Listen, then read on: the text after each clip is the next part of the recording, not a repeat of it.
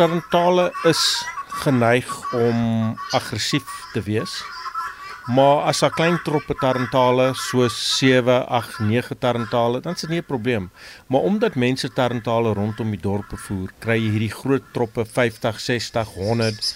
Op die plase kry jy nou tarantale wat amper in die duisende voorkom. En daai groot getal tarantale doen eintlik baie skade aan inheemse diere want jy moet een ding onthou hulle eet nie net saaitjies nie. Hulle vang allerlei insekte. Hulle vang klein reptiele. Hulle vang muise.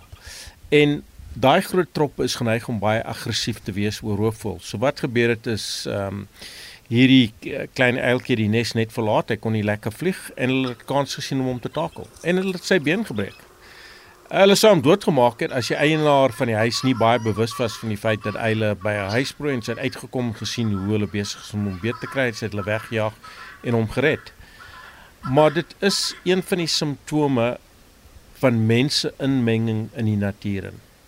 Daar's nie net te veel mense, maar ons meng te veel in die natuur self. Soos hierdie aanhoudende voerdery van voëls van 'n skwanshuis goed vir die voëls en die voëls kry swaar in dit.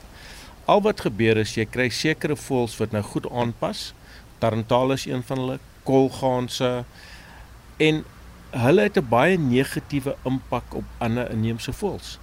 En uh, mense is net nie bereid om dit te verstaan dat daai groot getalle voëls wat nou aanhoudend broei omdat daar so baie maklike kos is, eintlik bedreiging vir ander inheemse spesies is, nie net ander voëls. Ons praat met Arnold Slabbert hier in Nelson Mandela Bay, stedelike klein wildbewaarder, eile redder, enige wild wat nog oor is in die Bakens riviervallei en al jare betrokke met die redding en rehabilitasie van wild en roofvoëls ja. wat beseer is of wat in lewensgevaar was. Um net terug na die Tarantale toe sê jy indirek dat as 'n mens voels of tarantale of die duwe of so voer dat jy eintlik maak dat hulle getalle hopeloos te veel word. Dis presies wat gebeur. Hulle getalle word hopeloos te veel. Nou daar's 'n ander ding omtrent tarantale. As jy sulke groot troppe tarantale het, verniel hulle mense se tuine. Nou van die mense sal dit aanvaar, anders aanvaar dit glad nie. En ons het 'n paar gevalle gehad waar mense net vir die tarantale uitgesit het en natuurlik al die ander goed wat daai aan daai tarantale eet jou valke hulle word vergiftig ook. En jou meisonde enigiets wat 'n dooie tarantaal in die veld kry hulle word vergiftig. Maar die tarantale is geneig om roofvoëls aan te val want hulle sien hulle as 'n bedreiging vir die kleintjies. Al het hulle in hierdie voëls die die kykens sal uitgegroei. So dis net pure aggressie. Hulle daai eil gesien sê wel let's tackle him and let's see if we can finish this job En ek sê vir jou hulle sou hom doodgemaak het. Ehm um, ek het 'n baie interessante ehm um, video gesien in die VS van die FSA af en hulle gebruik tarantale daar rondom die plaashuis en dit vir ongedierte beheer. En in die een video vang 'n swerm tarantale 'n groot rattlesnake, maar 'n grootte Hulle vorm 'n sirkel om hom hulle pik hom dood en hulle gebruik hulle vir plaagdierbeheer. Maar jy moet een ding onthou, nie alles wat hulle doodmaak is 'n plaag. En as daar 7, 8 is van hulle wat eet, is dit nie 'n probleem. Maar as daar 100 van hulle is vir al die akedissies en die geitjies en die insekte en dit op so groot maat eet, dan is dit 'n probleem. Dieselfde met kolgaanse. Omdat mense aanhoudend kolgaanse voer, broei hulle nou die hele jaar deur. Ek het 'n helse probleem met kolgaanse en eile want kolgaanse broei in bome in. Hulle broei nie op die grond nie. So hulle soek daai hol tussen die bome. Baie van my eil nesbokse word nou oorgevat deur kolgaanse wat die eier eil eiers en die kleintjies uitskop. Die enigste voëls wat enige weerstand bied teen die kolgaanse by my roofvoël nesbokse is wandelvalke. Die ander goed gee maar pad. Hulle skop die eiers, die kleintjies alles uit en hulle vat daai nesbokse oor. Arnold Slabber, stedelike klein wildbewaarder hier in Nelson Mandela Bay. Watter voëls behalwe nou die uilkuikens as mense dit so kan noem watter ander voëls word vreeslik bedreig deur hierdie tarantale kolgaanse ek dink kraaie ook wat so oorneem? Ek wil as jy kyk na tarantale dit definitief 'n impak op jou ander versante en patryse want as dit baie tarantale is tarantale vorm groot swarms hulle kompeteer daai voëls kan nie byhou nie en hulle verjaag hulle uit die areas en dan kom jy op 'n stelsel waar jy net tarantale het kolgaans is presies dieselfde. As hulle 'n dam oorvat, verjaag hulle al die ander voëls, al die ander watervoëls en hulle vat hom oor. So dis presies dieselfde ding, 'n baie negatiewe impak. Dan natuurlik het jy mense wat baie lief is om al hierdie duwe te voer. Jou groot probleem met duwe is hulle dra baie siektes aan. So nou sit jy kos uit, nou kom al hierdie duwe hierso maar ander voëls kom ook. In die natuur eet nie al die voëls op dieselfde plek. Hulle eet maar wyd uitgesprei. Jy kry nie 'n hoop kos bymekaar. Nou skielik jy 'n hoop kos bymekaar. Hierdie voëls kom almal bymekaar en die siektes versprei soos jy kan nie glo tussen al die voëls. Die ander probleem is dat roofvoëls is geneig om te kom waar daar baie kos is. Nou kom al hierdie voëls na jou tuin toe. Hulle eet al daai saad, maar hulle het ook siektes nou.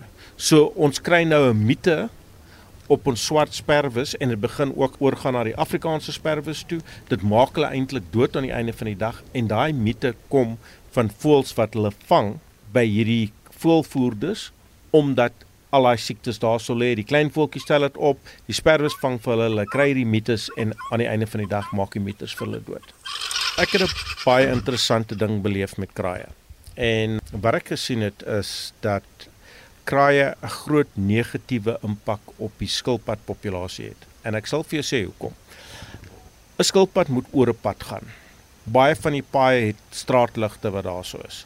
So ou kraai sit daar bo op die straatlig, hy kan alles vir myle sien wat oor daai pad gaan. En moet jou nie misgis, 'n kraai kan net soveel jag. Ek het 'n video 'n ruk teruggevat van 'n kraai wat 'n duif vang. Hulle is nie net aasvreters, hulle jag net so lekker. Nou sien die kraai daar gaan die skilpad oor. Al wat hy doen is hy gryp hy skilpad, hy laat hom val op die teer en hy eet hom. En ek het kraai neste gekry wat nie honderde, maar amper duisende skilpad doppe daar rondom lê. En jou probleem is duisende. Luister, jy kan 'n trok vrag skilpad doppe wegvat van van daai ou neste. 'n Nes wat kom ons sê 10, 12 jaar oud is van 'n withalskraai jy kan trokvragte skilpad doppe wegry daarso. En dis eintlik 'n evolusie ding. Hulle het nou goed geleer. Kyk, hierdie paai is wyd. Alles moet oor hierdie pad kruis. As daai skilpad in die pad is, hy het geen wegkom kwans. Hy het geen kamouflering. Hy sit in daai pad. Baie van die paaie het uh, hoë kante. Hulle kan nie maklik uitkom nie.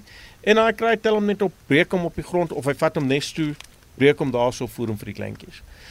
Nou wat vir my laat skrik het is uh, daar was 'n konsert in die baai gewees en na die konsert natuurlik was daar baie vullis gewees.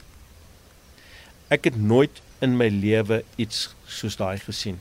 Dit was soos 'n stuk uit daai Alfred Hitchcock prent The Birds. Die lig was letterlik, jy kon amper nie die blou sien vir die kraaie. Daar was soveel kraaie wat gekom het. En daai kraaie het Hulle eet nie net vullis, hulle het 'n groot negatief soos die skilpad ding. En ek dink dat daar sal moet navorsing gedoen word oor die effek wat kraaie het op skilpadpopulasies. Ek het al hier gery op 'n oggend deur Newton Park in Glenhurst en ek kon nie glo wat ek sien nie. As die kraaie skeur met hulle snavels, skeur hulle die sakke oop om die inhoud te kry. Ja, dis vir my baie baie wonderbaarlik want elke buurt se vullis word op 'n ander dag verwyder. Voor daai sakke uitgesit is in daai buurt sit die kraaie en wag. Hulle weet presies wat se dag om waar te wees. En jy kan sien sodra die mense die sakke begin uitdra, dan kom hulle af en dan skeer hulle daai sakke.